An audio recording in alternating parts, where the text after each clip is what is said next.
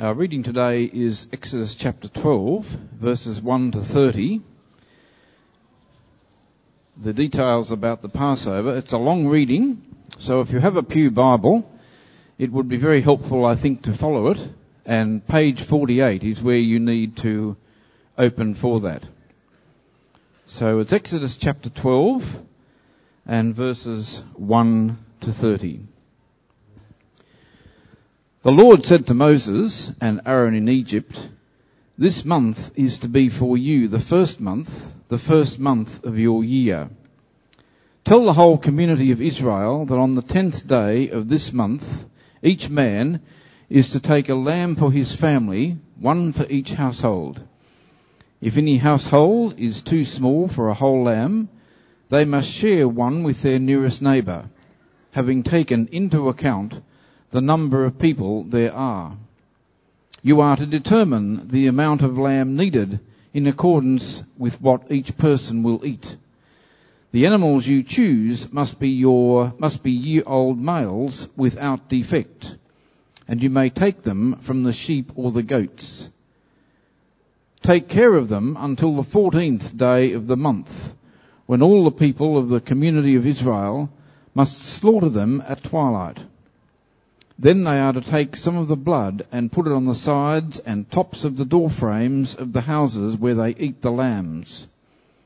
That same night they are to eat the meat roasted over the fire along with bitter herbs and bread made without yeast. Do not eat the meat raw or cooked in water, but roast it over the fire, head, legs and inner parts. Do not leave any of it till morning if some of it is left till morning, you must burn it. This is how you are to eat it. With your cloak tucked into your belt, your sandals on your feet, and your staff in your hand. Eat it in haste. It is the Lord's Passover. On that same night I will pass through Egypt and strike down every firstborn, both men and animals, and I will bring judgment on all the gods of Egypt. I am the Lord. The blood will be a sign for you on the houses where you are. And when I see the blood, I will pass over you. No destructive plague will touch you when I strike Egypt. This is a day you are to remember and commemorate. For the generations to come you shall celebrate it as a festival to the Lord, a lasting ordinance. For seven days you are to eat bread made without yeast. On the first day remove the yeast from your houses. For whoever eats anything with yeast in it from the first day through the seventh must be cut off from Israel. On the first day hold a sacred assembly and another one on the seventh day. Do not work at all on these days, except to prepare food for everyone to eat. That is all you may do. Celebrate the feast of unleavened bread, because it was on this very day that I brought you, um, I brought your divisions out of Egypt. Celebrate this day as a lasting ordinance for the generations to come. In the first month you are to eat bread made without yeast from the evening of the fourteenth day until the evening of the twenty-first day. For seven days no yeast is to be found in your houses, and whoever eats anything with yeast in it must be cut off from the community of Israel, whether he is an alien or native born. Eat nothing made with yeast. Wherever you live, you must eat unleavened bread. Then Moses summoned all of the elders of Israel and said to them, Go at once and select the animals for your families and slaughter the Passover lamb. Take a bunch of hyssop, dip it into the blood in the, in the basin, and put some of the blood on the top and, and both sides of the door frame. Not one of you shall go out of the door of the house until morning. When the Lord goes through the land to strike down the Egyptians, he will see the blood on the top and sides of the doorframe and will pass over that doorway. and he will not permit the destroyer to enter your houses and strike you down. Obey these instructions as a lasting ordinance for you and your descendants. When you enter the land that the Lord will give you as he promised, observe this ceremony. And when your children ask you, what does this ceremony mean to you? Then tell them, it is the Passover sacrifice to the Lord, who passed over the houses of the Israelites in Egypt and spared our homes when he struck down the Egyptians. Then the people bowed down and worshipped. The Israelites did just what the Lord commanded Moses and Aaron.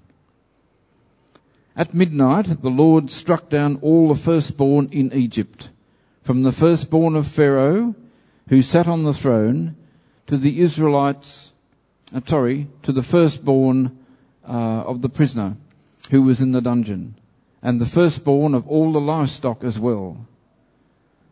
Pharaoh and all his officials and all the Egyptians got up during the night, and there was loud wailing in Egypt, for there was not a house without someone dead. Let's pray again, shall we? Is this on? Our gracious God and Heavenly Father, we, uh, we are your church, and the church is formed by your word. And we pray this morning that as we listen to your word, you will make us your people again. As we remember your past and anticipate your future, uh, teach us to be generous to one another, uh, to be your people in this land. We ask this in his name. Amen. Good morning. How are we feeling today? As God's people, we often gather together, and this morning I just want to talk about identity. I'm just waiting for the slides to come up. You know, every once in a while, um, we hear stories from the war. I've been in an army and I'm familiar with stories like that. So every once in a while, a story or two would appear where a prisoner of war or a soldier would be discovered in the jungle years after the war is over, right? They are, in, they, they are no longer in their right mind because they've been tortured.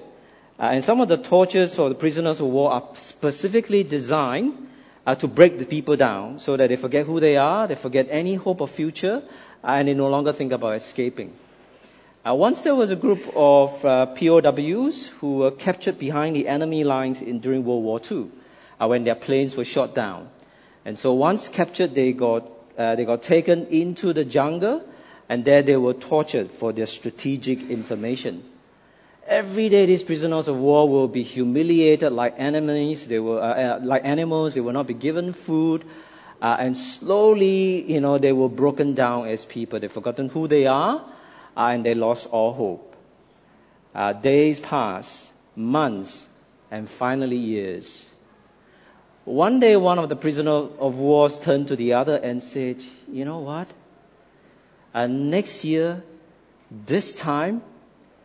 we're going to be at our own home. And our families will be with us. And we're going to have a celebration. And not only that, every year, this time from now on, our children will be gathering together. And then they, their children too will gather every year on this day, lest they forget what we went through. The rest of the inmates look at this guy, this prisoner of war who is telling this story. Uh, and the rest of the guys look at this guy, look at this inmate who is telling this, you know, and he said, you gotta be crazy. That's never going to happen. Uh, let me ask you a question. What, what will it take for this guy to be released? Unless there is someone more powerful than their enemies who will fight for them and defeat their enemy, isn't it? That's the only thing that can save these people. Friends, welcome to the Passover story because behind this story stands a God who is all powerful, who rescue his people from the bondage of slavery. This is the God that we worship. This God ultimately sent his own firstborn to save his enemies from the slavery of sin. The Israelites is in the story of the Exodus, they're only just beginning to get to know this God. And eventually they will come to realize and they will come to call this God the eternal God. Psalm 92 verse, uh, Psalm 90 verse 2 says, Before the mountains were brought forth, or you, or ever you had formed the earth or the world, from everlasting to everlasting, you are God. Psalm 103 verse 7, For the, but the steadfast love of the Lord is from everlasting to everlasting on those who fear him, and his righteousness to children's children's, ch- children's children.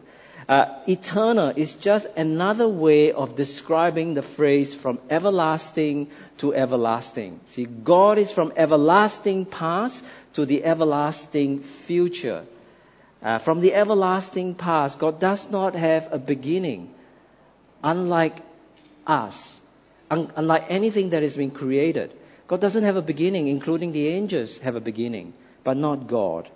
And God will not have an end, the everlasting uh, uh, future. Unlike us, God does not age. Uh, he is not hindered or worn out by time. He is eternal, all powerful, all knowing, and thankfully for those who fear Him, all good. Before this very God, right, there's only one appropriate response, and that is worship and humility, which is where Pharaoh got it so wrong. All right, the story in the con- this is the context behind the Passover story. Steve's been talking about it in the last few weeks. Uh, the story is driven by the knowledge of God. Remember what Pharaoh said in chapter 5 verse 2.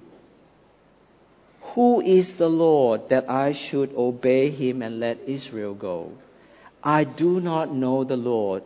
Subtitle? What, what, does, what does Pharaoh mean? I don't recognize this God. I don't recognize his authority. I will not let his people go. What arrogance for a mere man before an eternal, everlasting God.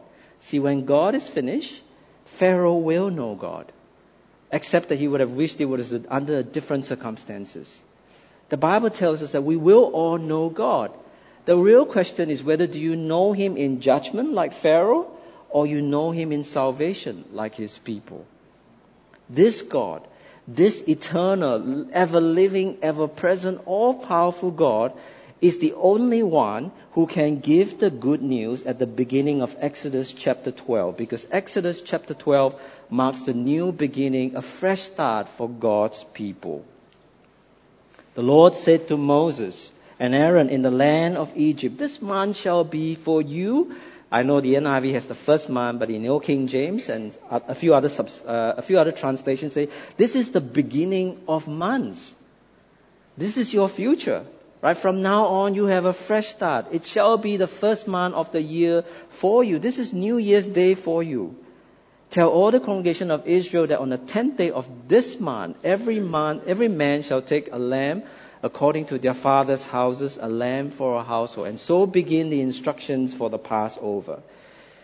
See, chapter 12 speaks of a new future for the Israelites never been, could, could never have been imagined by the people at that point in time. It's a future that involves a change in environment and a change in the generations. From now on, there is a future. The word for God here is the Lord, right? That four uh, Hebrew characters that no, uh, no God-fearing Jew is going to pronounce uh, for fear of using God's name in vain. But those four characters came from the same root as the Hebrew word for to be or I am, right? Takes us back to uh, uh, chapter 3, where God reveals himself to Moses as the I am. Who will send, who will send me? I am. I am who I am. I will be who I will be. I am eternal. I will last forever.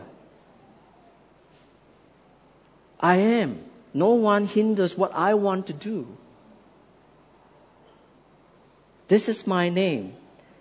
The name that you shall, you shall call me from generation to generation. See, this, we worship a God of the generations.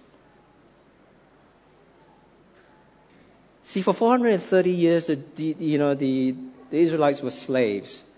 There was really no generation to speak of, right? Because at any one point in time, Pharaoh had the power to kill, wipe out all of them.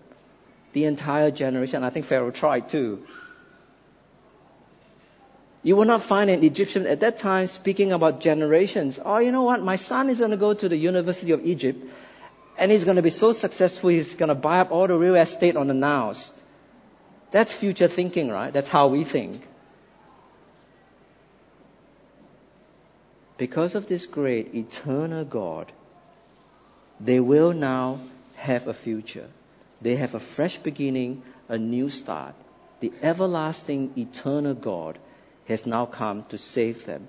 Not only will they have a new beginning, they're going to have a new identity as well. And see, the word congregation here is the first time that God is used, uh, that the Bible used for this group of people. Right? Chapter 12, let me give you a quick outline. You know, it's, it's a big chunk of text. Uh, verses 3 to 13, God gave Moses and Aaron the instructions concerning the Passover meal. It mostly concerned the kind of lamb, the animal that they have to select, how they are going to eat it, uh, and how they are going to observe this meal from generation to generation. We'll talk more about that later. From verse 14 to 20, you know, then come this instruction about the, the, the feast that follows the Passover meal, which is called the Feast of the Unleavened Bread. Right. Basically, for seven days, there's no yeast to be found in the house. They don't work. At the end of a seven day, they have a public worship, an assembly, pretty much like what we do in church. Uh, so the point is, all everybody in this, everybody who belongs to Israel at this point in time, have to follow this instruction if they are to be part of this community. Right? The NIV uh, the translated this word as community, but it's the same word. Right? Congregation, community, they are now one. Uh, this, is, this command is precisely given to them because they are now God's people. Failure to keep this command will, will mean that they will be excluded, right? It's said a few times in the passage. And then from verse 21, Moses and Aaron then relate these instructions to the rest of the elders, uh, and it was followed. Uh, and we notice at the end, when they received this, what did they do? They bow and worship. See, that's the appropriate response when you've met the eternal God.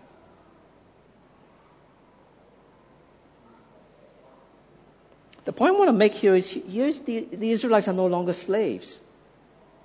They are now a community bound by a shared tradition, a shared identity, something that will define them now and for a generation that is to come. Right? It's something that they can share and pass on to their future generation, lest they forget who they are, where they come from, who they belong to, and what they are meant to be doing. And it's a, it's a, it's a corporate identity. So much of our identity as Christians today, as God's people today, is very individualized. God saves me. How great. That's good. But not so in the beginning. When God constituted his people, he constituted them, he saved them, but he saved them to be a community, a congregation. Right from the very beginning, they were meant to be looking out for each other. Right? This is how it works, right? You know, every half family household is to find a lamb. Uh, but there are those, and so they have to get together to calculate, well, how much is needed. Right? Because there are families who are too small for one lamb. And so I imagine they all get together and say, well, how do we do this? How do we celebrate this together? So they have to be watching out for each other. And as they're doing that, you know, this is a tradition that, you know, the children are doing, are talking about it, they're explaining it.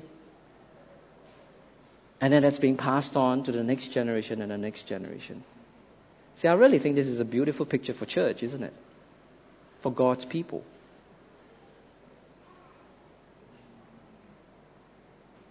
I try to think in my mind, you know, what's, what's a New Testament equivalent uh, that we as God's people today can point to and say, yeah, that's our tradition. Anyone? Well, this is what I came up with. Right? Christmas. Where closely resemble, you know, the, the thing that we all share as God's people, you know, throughout the world. We all celebrate this together. Uh, we have time with our families. We might watch out for each other. Uh, that's what I, that's what I came up with. Uh, but I think it cheapens the analogy. Uh, because there is no commandment in the New Testament to celebrate Christmas. The world would like us to celebrate Christmas because it keeps the economy growing. See, the world is determined, the, the, the world determines our calendar, what we celebrate.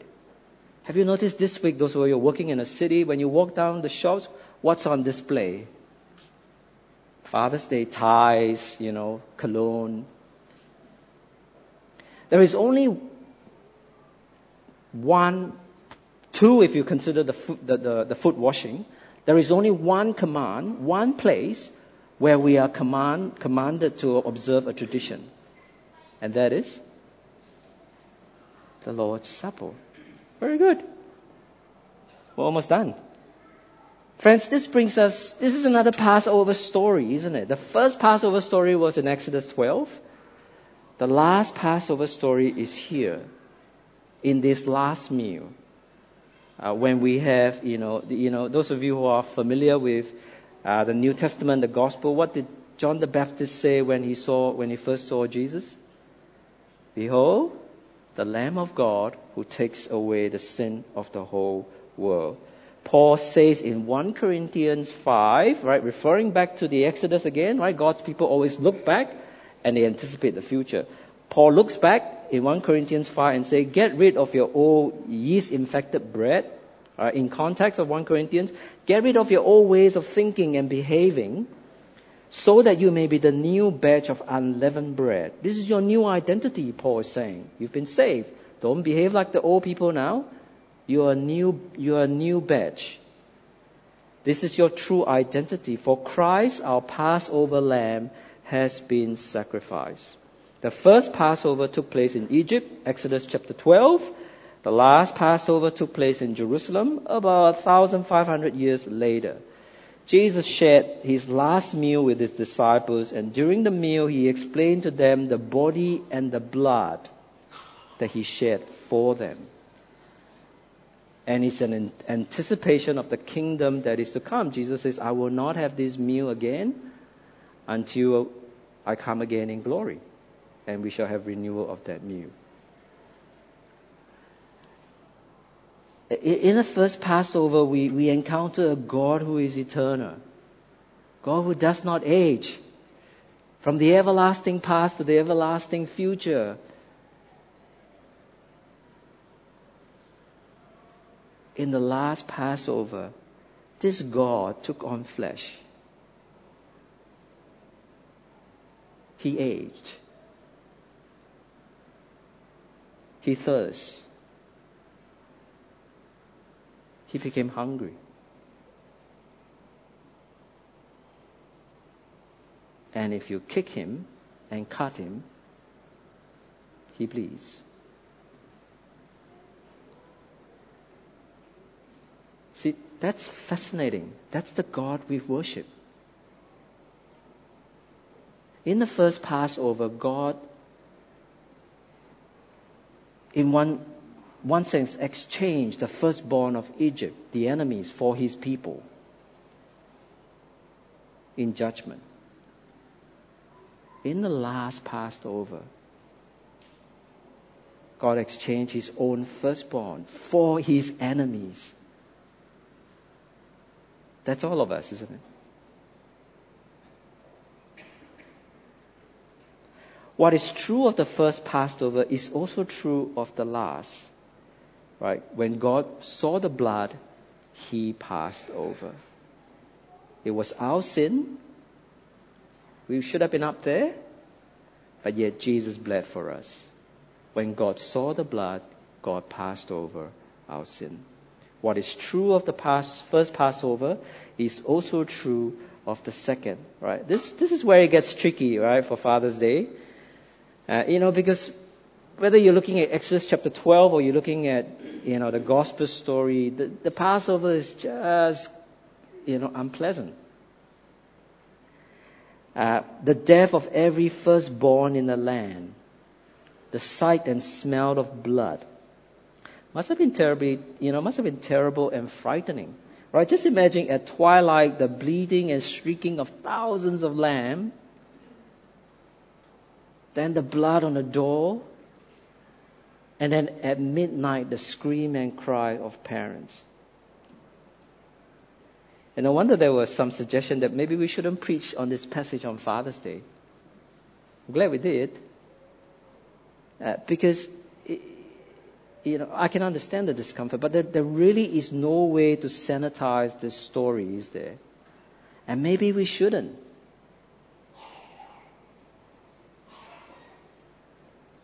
God's judgment is serious. The Passover really is a picture of how serious sin is.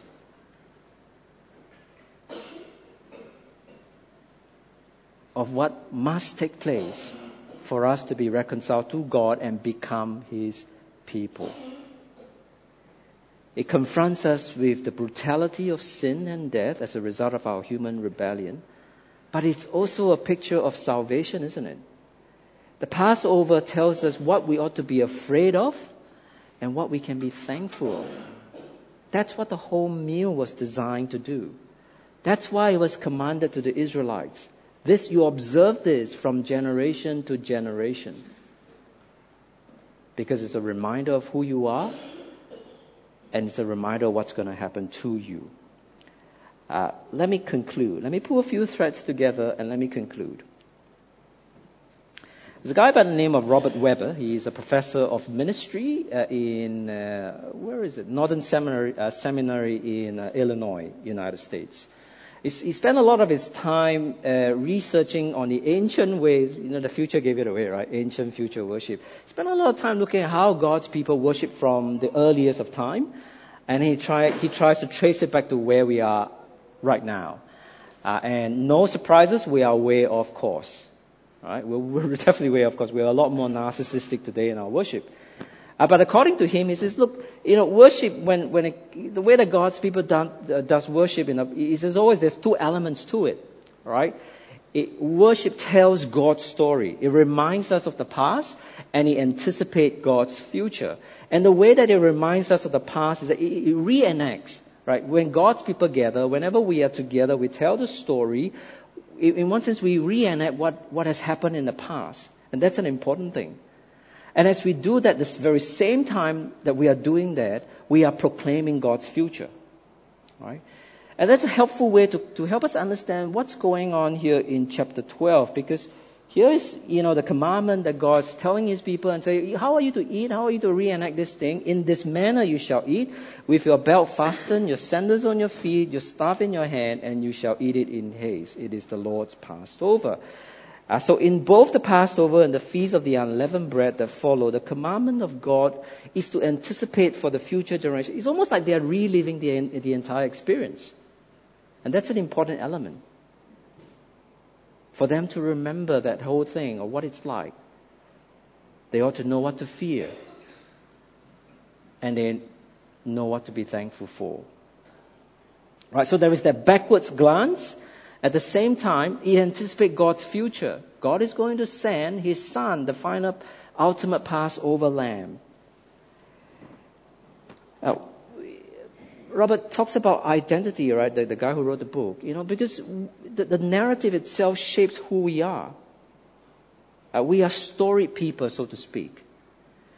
Uh, and so what our identity tells us what we worship, and our worship shapes our identity. It's kind of that this, you know, relationship that is going on here. And what's helpful for Robert when he kind of points this out to us is we don't live in a vacuum, right? Because everyone, that, because there's, there are narratives that are out there all the time. If we are not telling our story, other people are telling it for us. In other words, if we are not uh, forward in, in stating our identity, our identity will be shaped for, you know, for us by others. There are other competing identities that are out there. Here's one of them. All right, what does this what does this narrative shape and what does it tell us who we are? We're consumers, isn't it? And so, so if we are not shaping our own identity, other people will shape it for us. The thing about consumerism is that, you know, the, the fundamental idea behind consumerism is that I need something to, to complete me. And when I don't have that, I'm incomplete. But the problem with consumerism, of course, it never satisfies. Here's another one. It's similar, but you know, there's two narratives going on here. What, what, what's the narrative? What's the first narrative? It, what does it say about who, where do we come from? Apes. And then where do we end up? What's our past and what's our future? We're just consumers.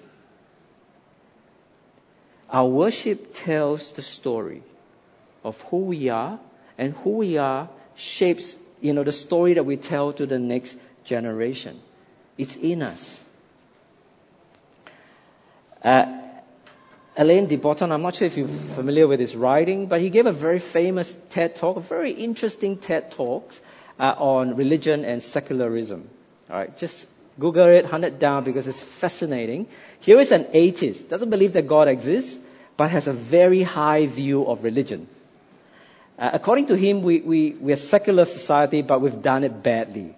Right? We, we shouldn't have gotten, we, yeah, get rid of God, just don't get rid of religion because religion's good. Religion gives us art. Religion gives us literature. Religion tells us what to fear and what to love. Religion gives us calendar, right? He, he tells a story about this tribe. Uh, you know, again, it's a religion that, that once in a, uh, every once in a year, this tribe has a habit of going, trekking up this mountain to gaze at the full moon. And he says that's a helpful thing for that tribe because it reminds them how small they are. We've done away with religion, unfortunately, in a bad way. But here's what God is doing for His people regularly reminding who they are and what they're meant to be doing, right? Because the Feast of the Unleavened Bread is one of the three that God commanded His people to observe throughout the year. Three times a year, God's people gather before God. They hear His word. They are reminded of where they've come from. They are the Passover people, and they, are, they anticipate the future where God will come again. That's their future. My point is simply this, right? We are God's people. We have a story to tell. What's the story we're going to tell the next generation? Let's think about this. If we are God's people, we're shaped by the stories. How, what is it that we do every Sunday that tells the story? That reminds of our past, that anticipate our, our future. Does it look like this? Connects us to where we where we are reconciled to God. In our preaching and our songs, in the words that we say in our welcomes, in our conversations after that. And does it anticipate God's future? Right? Where is God's future? Where every nation, tongues, and tribe will come and know and worship this eternal, everlasting God. Here's a picture that, you know, just a map where CMS continue to have missionaries there. And the horns will be in that, that map somewhere. what I like to, you know, help people understand the future is to visualize it, right? You all know the, the final picture in heaven, in Revelation, where, you know, there will be the throne of God. He's eternal. He's all powerful. The Lamb will be there, and God's people will be there, and every tribe, nation, and people group is going to be there. And I think it's helpful sometimes for us to visualize ourselves being there. We're part of the nations worshiping this Lamb. Can we visualize that? That's our story. That's our future. And then you look around the people who are, you know, celebrating. Do you see your friends? Do you see your children? That's part of the generations who are there. That's the future that is worth fighting for. That's who we are. I want to finish with a corporate prayer. Uh, you know, this prayer was written at a time when they called the Holy Spirit Holy Ghost. You know, it's one of, again, it's a helpful prayer uh, that points back to the past and points to the future. Let's say this together as God's people. I'll give you some time to look at it, and then when you're ready, let's say it together and we'll close.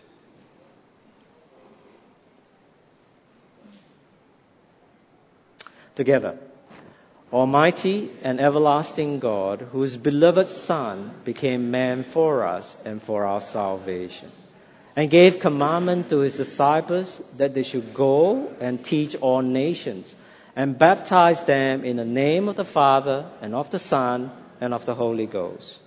Give us grace to be obedient to his command and to grant that all men may have new birth in him and being delivered out of the power of darkness and may receive, may be received into the kingdom of thy love through the same Jesus Christ our Lord.